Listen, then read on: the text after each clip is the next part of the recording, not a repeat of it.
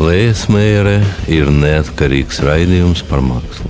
Lēsmēra runā par to, ko nevar parādīt. Lēsmēra ir flanēra. Viņa klīst starp ikdienas rūpēm un pēkšņi ierauga mākslu. Taču svarīgs ir teksts, kā draudzīgs ceļš pie domām par mākslu. Lēsmēra raidījums par mākslu katru otro ceturtdienu, piecos vakarā. Sveicināti, Telējas mēra! Tas ir neatkarīgs raidījums par mākslu, pietuvinātu mākslu. Ar jums sarunājusies mākslas kritiķe Ieva Lejas mēra. Rādījumu nosaukumu izdomāja Ivars Runkovskis, džinglus ierunāja Semjons Haņins. Es to atkal un atkal pieminu, jo vārds ir svarīgs, un valsts, un viļņi, un to, ka mēdīs ir vēstījums, izdomāja Maršals Maklons, un lai ko viņš ar to īsti domāja, viņam izrādās taisnība ar katru dienu jo vairāk. Papētījusi savu iPhone un MacBook skaņas ierakstu iespējas saduku, gribu īstu studiju ar īstu pulti un īstu mikrofonu ar to pufīgo švammi un ar milzīgās austiņas. Nu, un pateicoties Latvijas Universitātes radio un abu atbalstam, tas viss joprojām ir manā rīcībā, kā arī ekskluzīvā, un izrādās tik trauslā iespēja skanēt īstos fiziskos FM viļņos. Bet karantīna, panika un paralīze tomēr attur pat no tādām koplietošanas telpām kā mazā dārgā nabas studija. Tāpēc par skaņu iepriekš atvainojos, bet raidījuma patrons Olivers Starvits mierināja, ka uztaisīs kaut ko līdzīgu skaņai pat no šī bardaka. Pār atbalstu raidījuma tapšanā no sirds pateicos Iljanai Veinbergai, Ingai Melderei, Guntai Andersonai, Valsts kultūra kapitāla fondam un manai smukajai un gudrajai māsīcai. Šoreiz skanēs dubults raidījums par 26. martu un 9. aprīli. Pastāstīšu par trim izstādēm. Duetas Kojam Breiden, krāšņo personāla izstādi Samsāra, dekoratīvās mākslas un dizaina muzejā pašlaik nevar redzēt, jo muzejs slēgts, bet izstādes laiks tikšot pagarināts, muzeju atvērs, un jūs varēsiet redzēt mākslu dzīvajā, kas izrādās ir pavisam kas cits nekā virtuāli. Starp citu, muzejs un mākslinieces laipni piedāvā izvērstu virtuālo video ekskursiju pa izstādi. Otrā ir Zaigas putrāmas personāla izstāde Latvijas Mākslinieku Savienības galerijā, ko var skatīties laikam pa vienam iepriekš piesakoties. Šai izstādē tieši pulcēšanās bija izšķiroši svarīgs aspekts pulcēšanās un tieša fiziska sazināšanās, satuvināšanās. Ļoti ceru, ka arī šīs izstādes darbības laiks tiks pagarināts, un mēs vēl uzdejosim, parunāsim un mierīgi pavērosim, kas notiek gleznās. Izstādes nosaukums ir Cilvēki pamana, kā saules satiekas. Trešā ir Kristapa Zāriņa gleznu izstāde galerijā Māksla XO, kas nav slēgta. Šo pasākumu silti ieteikt nevaru. Mm, vēlāk, protams, pastāstīšu, kāpēc. Vēl raidījumā būs dzēja, fotografīga un profētiska. Ievēlējas mēre uzskata, ka teksts par mākslu arī ir māksla, un saruna par redzamo ir pats interesantākais vispār dzīvē izņemot seksu un naudu, protams. Liesmēra raidījums par mākslu katru otro ceturtdienu, piecos vakarā. Nu, ar nonšalanto klīšanu un flaņāru konceptu nu pat ir cauri. Viss ir ļoti jocīgi. Tiešām, nu jūs jau zināt, kā tas darbojas. Ieraugot kaut ko brīnišķīgu, saistošu, gribas visus, visus aicināt arī paskatīties. Tomēr šādas iespējas gandrīz vairs nav. Mm, tiešām noraidu iespēju aicināt uz kaut ko paskatīties digitālā vidē kādu laiku sekoju muzeju un galeriju video un foto ieskatiem izstādēs un kolekcijās, kamēr sajūtos gluži klaustrofobiski un sāku beidzot kaut ko saprast par to, kāpēc mākslā vajag telpu. Tas ir nav nejausmas, ko vajag mākslā, bet eh, man kā cilvēkam, kuram reizēm ir nepieciešamība skatīties mākslu, noteikti vajag ap sevi visus 360 grādus, lai, kā lai pasaka, lai norientētos. Nu jā, lai norientētos, kur atrodos, lai iztēlotajā sarunā, labi saziņā ar mākslu, būtu vismaz kaut kas puslīdz noteikts. Un tas ir kā ar tekstiem. Kad savulaik nejauši sāku rakstīt žurnālam Rīgas laiks, Redaktors un kaut kādā ziņā arī skolotājs Uldis Tīrāns teica, ka ir izšķiroši svarīgi noskaidrot, no kādas pozīcijas raksti, kas ir, jeb tikpat labi, kur ir tas, kurš raksta. Jā, jā, šoreiz bez tādām morālīgām atkāpēm nevarēs. Atkāpšos bezgalīgi, ja vajadzēs, vai pietuvošos, ja gribēšu.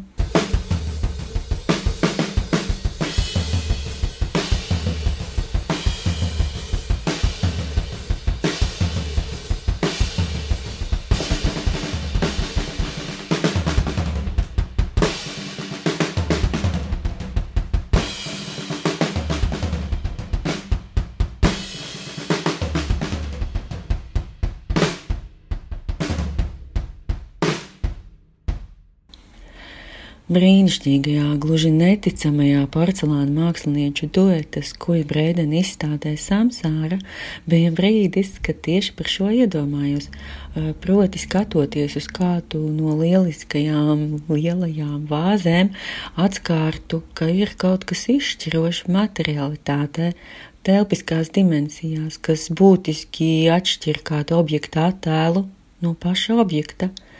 No uztveres viedokļa, protams, Jā, man patīk šo fetišizēt. Tas ir tāpat kā ar balsi, ko žūžo FM viļņi. Tomēr fokusā uz materialitāti ir arī lamatas. Būtu gluži lieki un muļķīgi teikt, ka te izstādīti šķīvji un vāzes, nu, porcelāna trauki, lai gan tieši tā arī ir. Tomēr svarīgs ir kas cits, protams, izvērstās krāšņās, grotiskās, sirsnīgās, sižetiski un saturiski sarežģītās kompozīcijas rāda, kādiem visādiem attieksmju, pieņēmumu, priekšstatu džungļiem kopā ar māksliniecēm jālaužas, lai nonāktu pie nekā, kā jau praktizējošām budistēm pieklājas. Iztēlojos, kā šo izstādi apmeklē visādi konfesiju vadoņi un citi viedokļu līderi. Sadavušies rokās rātni tipina, kautri novēršas, bubina svētulīgā sašutumā vai liekulīgā, aizpildnieciskā, samiernieciskā splīnā. Bet māksla ir stipra, un pēc izstādes apskats viņa iznāk no tā muzeja, bijušās viduslaiku kristiešu baznīcas kaut galā, pārvērtušies par kāpuriem, nu un tālāk jau viss kā parasti. Pa vecrīgas ielām mētājas līderi tukšās kūniņas, un paši viņi lidinās kaut kur jau citur. Skujām brēdeni personāla izstādē atgādina kulta ceremoniju ar visu kārtīgam kultam nepieciešamo anturāžu, kā arī galvu reibinošām mistifikāciju sastatnēm sastatnēm, uz kurām balstīt pasaules redzējumu, kas ir, teiksim, aizkars, un man skatītājai vienlaikus arī aizkraudējai, piegriezējai, izšuvējai un zakinātājai nav ne jausmas, kas ir aiz šī aizkara. Bet nu, mākslinieks paveic smagāko un būtiskāko darbiņu, proti, dara zināmu par aizkara mehānismu teiksim tā. Sākumā man vislabāk izstādē patika, jūs jūtat, jau sadodos rokās ar Zbigņevu Stankēviču. Erotiskā, jeb porno, jeb varas, jeb baznīcas istabiņa, kurā māksliniecis uzskatām atgādina par visu, kam tik ļoti patīk pieskārties mums, vienkāršajām maisaimniecēm. Pieskārties ar pirkstiem, ar plaukstām, ar lūpām, ar mēli, ar skatienu Nu, labi, vietā ruņa rinda varbūt jau pārāk didaktiska, bet, ziniet, šai izstādē piedzīvoja dīvainu kritiķis atklāsmi, proti, ka didaktika var būt jau tik didaktiska, ka nevis izbasī un kaitina, bet liek sirsnīgi solidāri smaidīt no godīgiem uztveres ierobežotības ierakumiem. Ā, nu jā, tas bija par sākumu, un izstāde tiešām veidota kā mērtiecīga valodas vienība kopa, kaut kādā ziņā muzikāli, jeb racionāli konstruktīva, kur visi tie teikumi, frāzes, replikas un visi citi teksta, konteksta, metateksta dalībnieki skatītāji kopā ar autoru vedina kādā noteiktā labas bezpēdiņām, mākslas virzienā.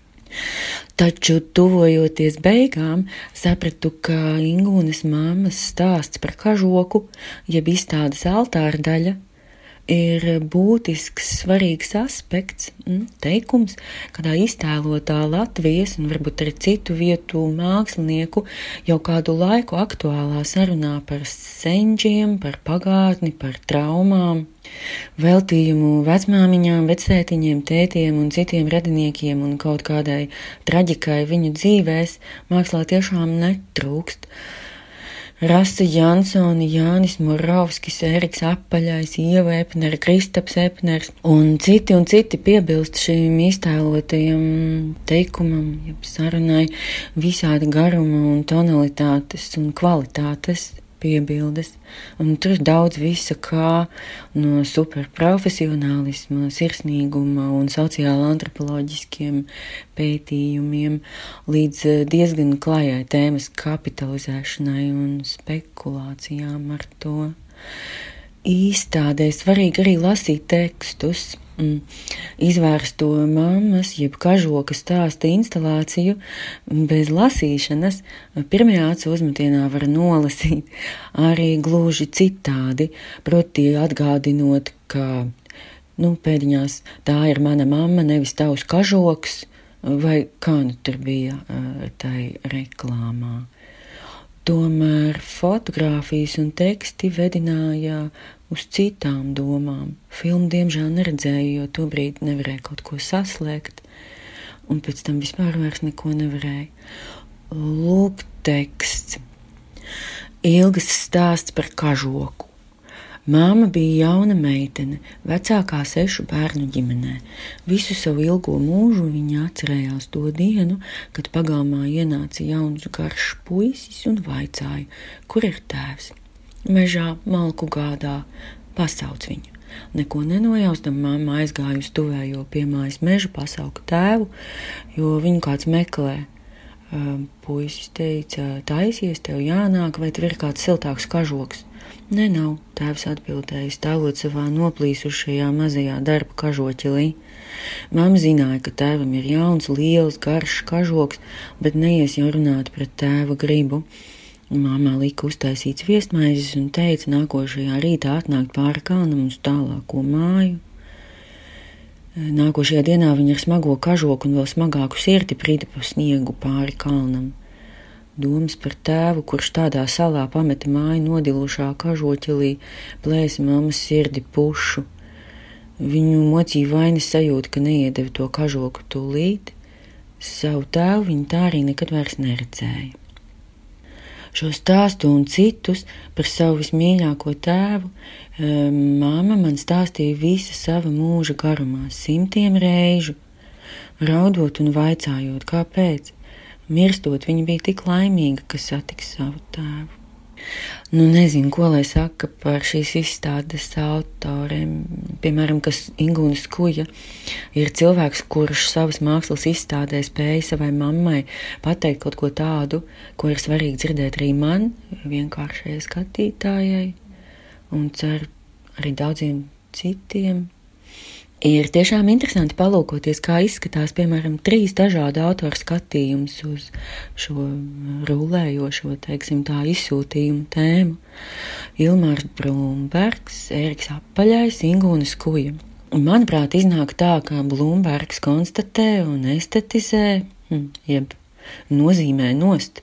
Apaļais jau drusku spekulē, bet skūja stāstu par kažoku noklāja ar īstiem kažokiem, jau tik plīvi, ka gaisa vairs stāstiņam nav, un tā visi brīvi Jā, rakstītu recenziju par Skujas Breidena izstādi, mēģinātu izstāstīt arī par darbu izcilajām formālajām kvalitātēm, bet palasīšu jums, ko pašas mākslinieces raksta par šo, proti par traukiem.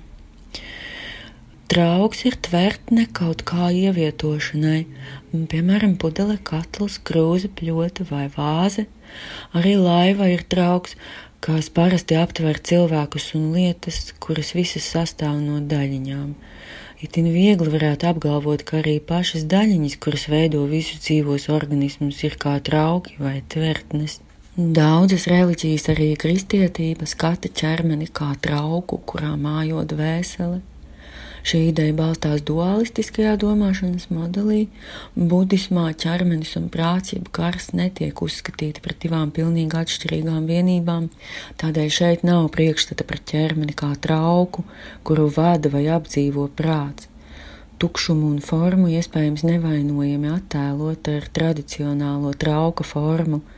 Tie ir klātesoši ik brīdi, it visā, kas pastāv, līdz pat vissīkākajam atomam, Tas bija skojas breidena teksts. Ir tiešām brīnišķīgi un interesanti vērot, cik daudz visādu krāšņu, sīki, smalki apgleznotu vāžu un vēl visādu objektu vajag, lai kaut ko saprastu un atkal un atkal izstāstītu par tukšumu un formu.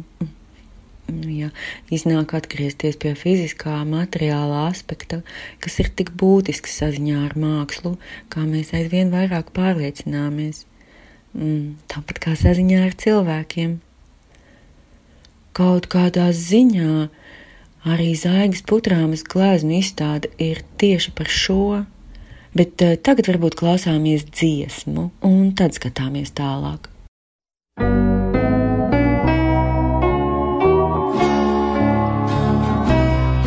They say there's a sun in the sky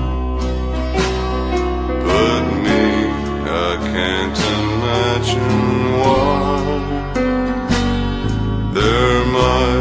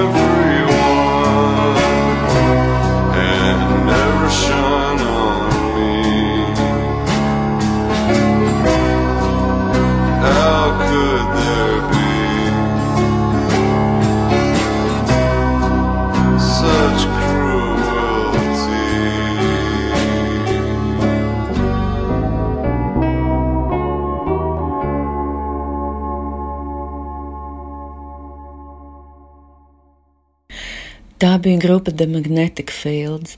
Ne šai, ne citām grupas dziesmām, protams, nav sakara ar raidījumu apskatīto mākslu. Ievēlēsmēra uzskata, ka teksts par mākslu arī ir māksla, un saruna par redzamo ir pats interesantākais vispār dzīve. Izņemot seksu un naudu, protams. Lēsmēre raidījums par mākslu katru otro ceturtdienu, piecos vakarā. Tā tad iztēlojieties cilvēkus, kas pamana, kā satiekas saules. Tiešā nozīmē jūs par tādu cilvēku kļūstat, ja aiziet uz Mākslinieku savienības galeriju un skatāties zaigas putrāmas akvareļus. Dažādu izmēru, bet lielākoties palielas, telpiskas un maigu saulainu, tādu kā persika toņu kompozīcijas, kurās dažādi izkārtojas un kādā vietā noteikti saskaras, katrā pa divām apaļām formām. Šajā izstādē mākslinieci piedāvā tādu kā savu starpdisciplināru manifestu. Izstāde bija iecerēta gan kā tikšanās vieta, gan tango prakses iespēja, gan kompozīcijas stunda. Zaiga putrāma saka, es vēlos, lai cilvēki plašāk un dziļāk saprastu mākslas svarīgumu.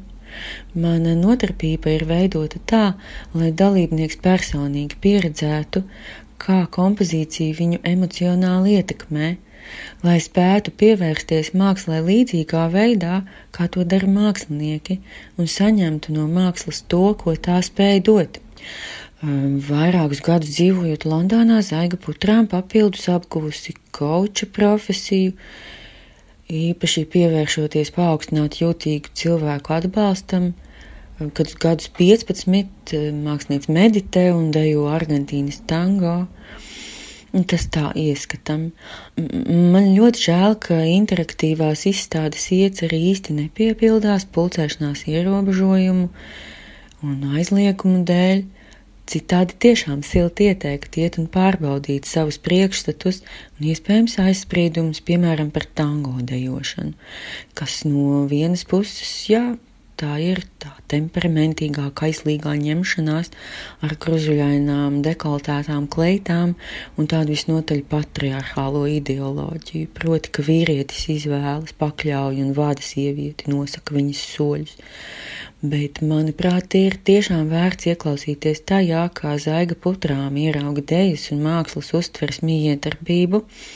Tā kā mākslinieci uzskata, ka bez viņas klātienes nodarbībām izstādēji, kā vienkārši iespēja aplūkot attēlus, nav jēgas, aicināja viņu ierakstīt vismaz pašu svarīgāko, ko varam uz izstādi iztēloti paņemt līdzi. Nodarbībās, kuras nu nenotiek, Es mācu uzasināt sevi kā jūtīgu trauslu instrumentu, sajust sevi, pamanīt vairāk. Un tad tādā satikšanās brīdī telpa, kas ir pa vidu, izmaina savu kvalitāti, un tad kļūst interesanti. Man liekas, ka cilvēks saprot mākslu daudz labāk nekā viņi domā, ja viņi zina, ka jāskatās uz sevi, ka jāļaujas savienojumam jo māksla nav mākslas priekšmeti. Māksla notiek cilvēkos. Un vēl māksla pēta neredzamo realitāti.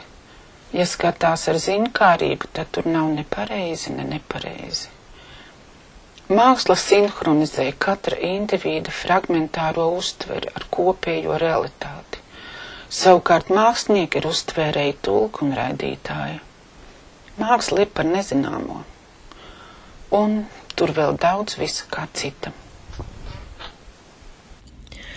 Šai ierakstā Zaiga putrām izstāstīja dažus būtiskus aspektus e, gan savai mākslas uztverē vispār, gan īpaši jaunajai personāla izstādēji Mākslinieku savienības galerijā. Izstādi sauc Cilvēki pamana, kā saules satiekas. Jācer, ka Mākslinieku savienība izstāde pagarinās, lai kāds to tomēr varētu apskatīt. Hm.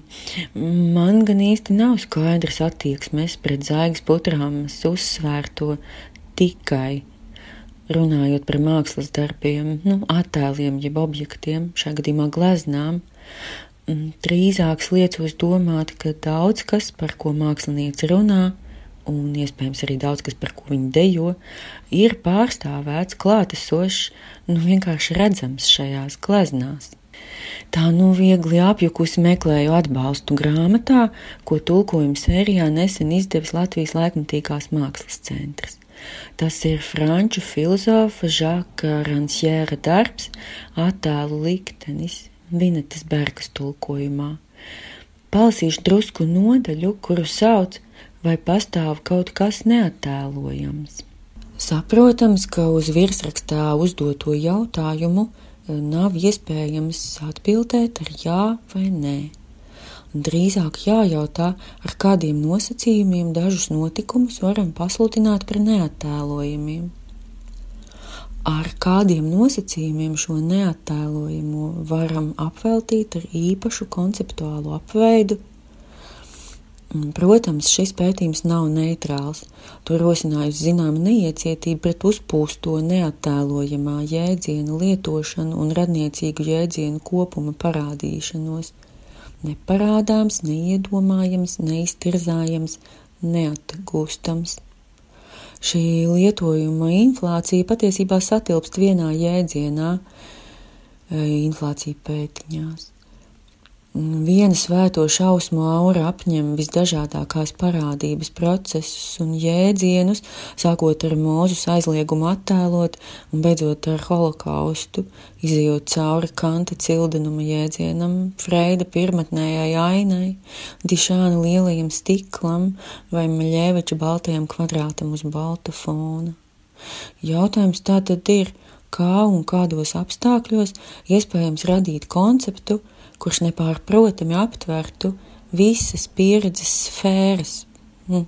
Šo komplekso jautājumu es gribēju ievadīt ar šaurāku pētījumu, kas liek uzsvaru uz reprezentāciju, kā uz domāšanas veidu par mākslu, par ko ir runa un par ko tieši mēs domājam, kad par dažām būtnēm, notikumiem vai situācijām apgalvojam, ka tās nav attēlojamas mākslas līdzekļiem par divām dažādām lietām, man šķiet.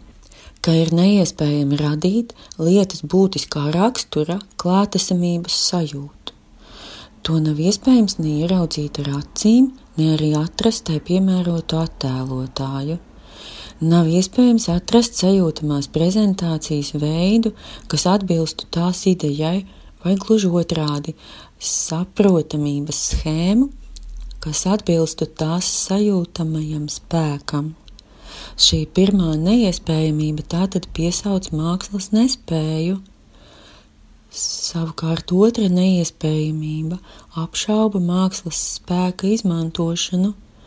Tā apgalvo, ka lieta nav attēlojama ar mākslas līdzekļiem pašu līdzekļu iedabas dēļ trīs mākslinieckajai prezentācijai raksturīgu īpašību dēļ. Pirmkārt, tā ir raksturīgs klātbūtnes pārpalikums, kas izpauž situācijas vai notikuma vienreizīgumu, protestē pret jebkuru pilnīgu sajūtamu prezentāciju. Mm. Otrakārt, materiālās klātbūtnes pārpalikuma korelāts ir irrealitātes stāvoklis, kas attēlotajai lietai atņem tās eksistences svaru. Visbeidzot, šī pārpalikuma un defekta spēle darbojas pēc specifiskas adreses principa, kas attēlo to lietu, nodot baudas, spēles vai distances afektiem, kas nav savietojami ar pieredzes nopietnību, ko tā slēpj. Līdz ar to varam teikt, ka dažas lietas ir ārpus mākslas kompetences. Tās nespēja pielāgoties klātbūtnes pārpalikumam un eksistences noslēpšanai, kas raksturīgi mākslai, un Platona vārdiem runājot, nosaka mākslas simulakra dabu. Tas bija fragmentiņš no Žāka Ransjēra grāmatas attēlu liktenis, ko nesen lieliskajā tulkojuma sērijā izdevis Latvijas laikmatīgās mākslas centrs. Likās, ka šī grāmata palīdzēs atrast kaut kādu sakarīgu un pieņemamu veidu, kā domāt par zaigas putrāms izstādi manifestu, bet varbūt par šo izstādi nevis jārunā, bet jādejo. Ļoti ceru, ka mums vēl būs tāda iespēja.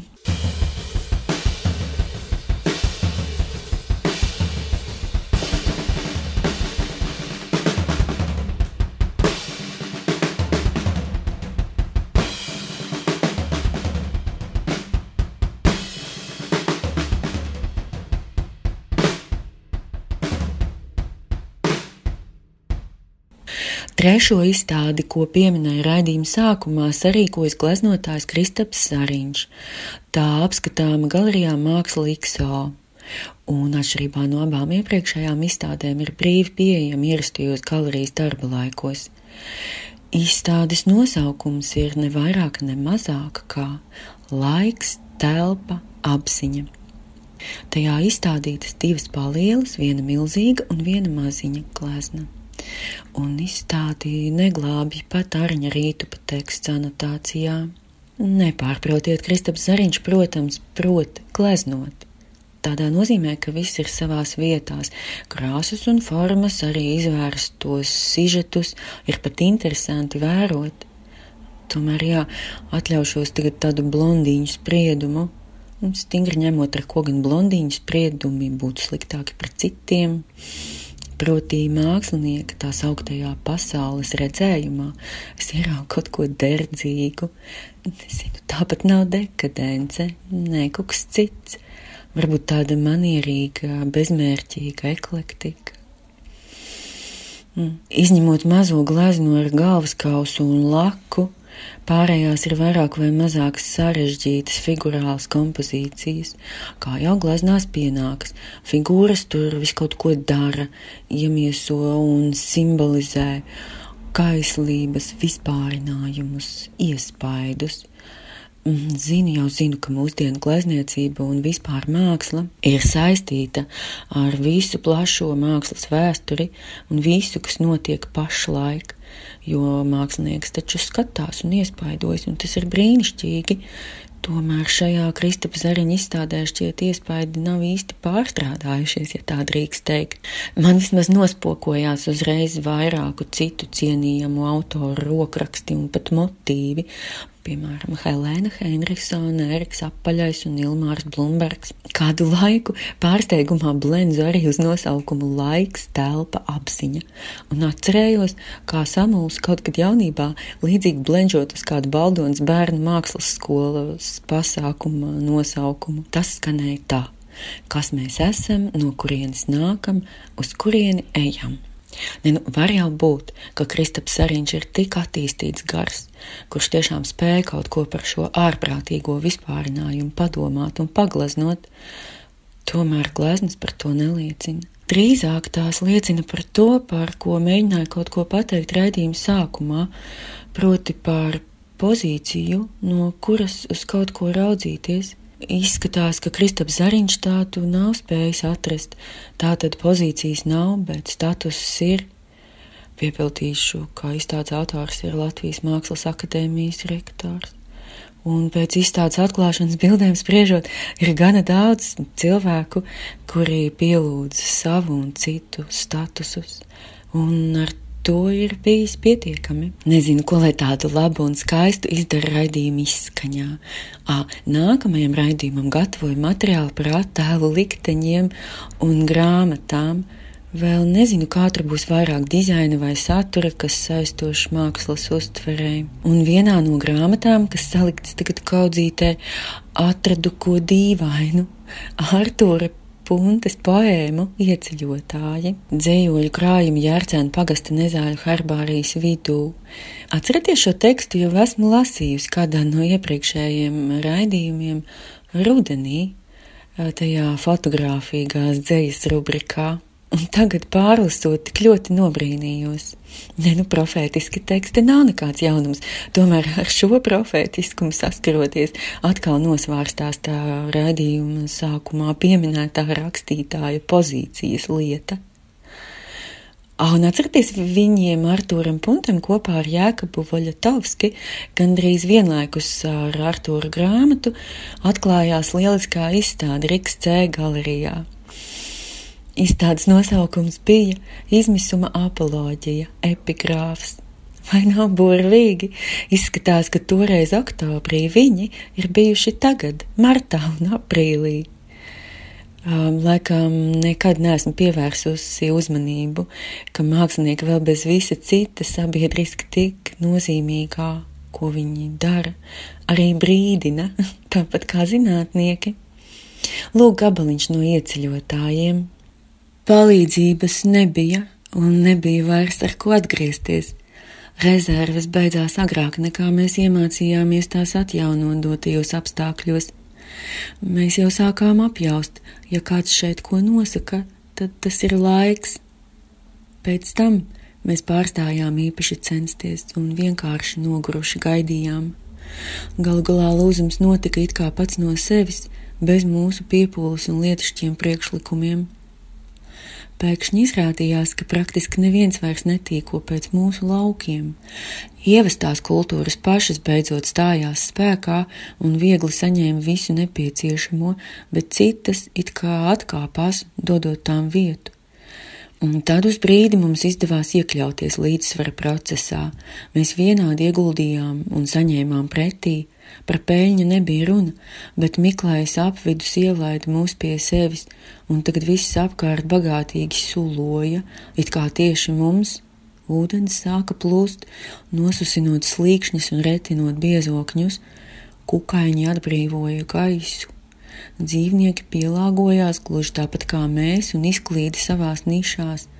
Neviens vairs nedzēra viņu asinis, vietējo augu saindētas. Mūsu uzdevums turpināja sarežģīties risinājumu gaitā, par spīti cerībām harmonija neturpinājās ilgi. Nezinu, varbūt mēs sākām gūt virsroku pārāk ātri.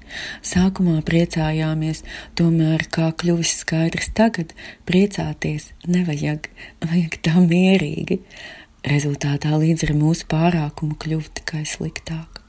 Jūs jau droši vien būsiet ievērojuši, vietējos stādījumos valda glauka. Ar to arī sākās. Pirmkārt, atsevišķas lapas kļuva ciāns, ne ciāns, antociāns, tādā krāsā kā vārīta bieta griezuma vietā. Lai gan bietas droši vien ir pārāk sarkanas, šī ir tāda kā zilpelēka krāsa.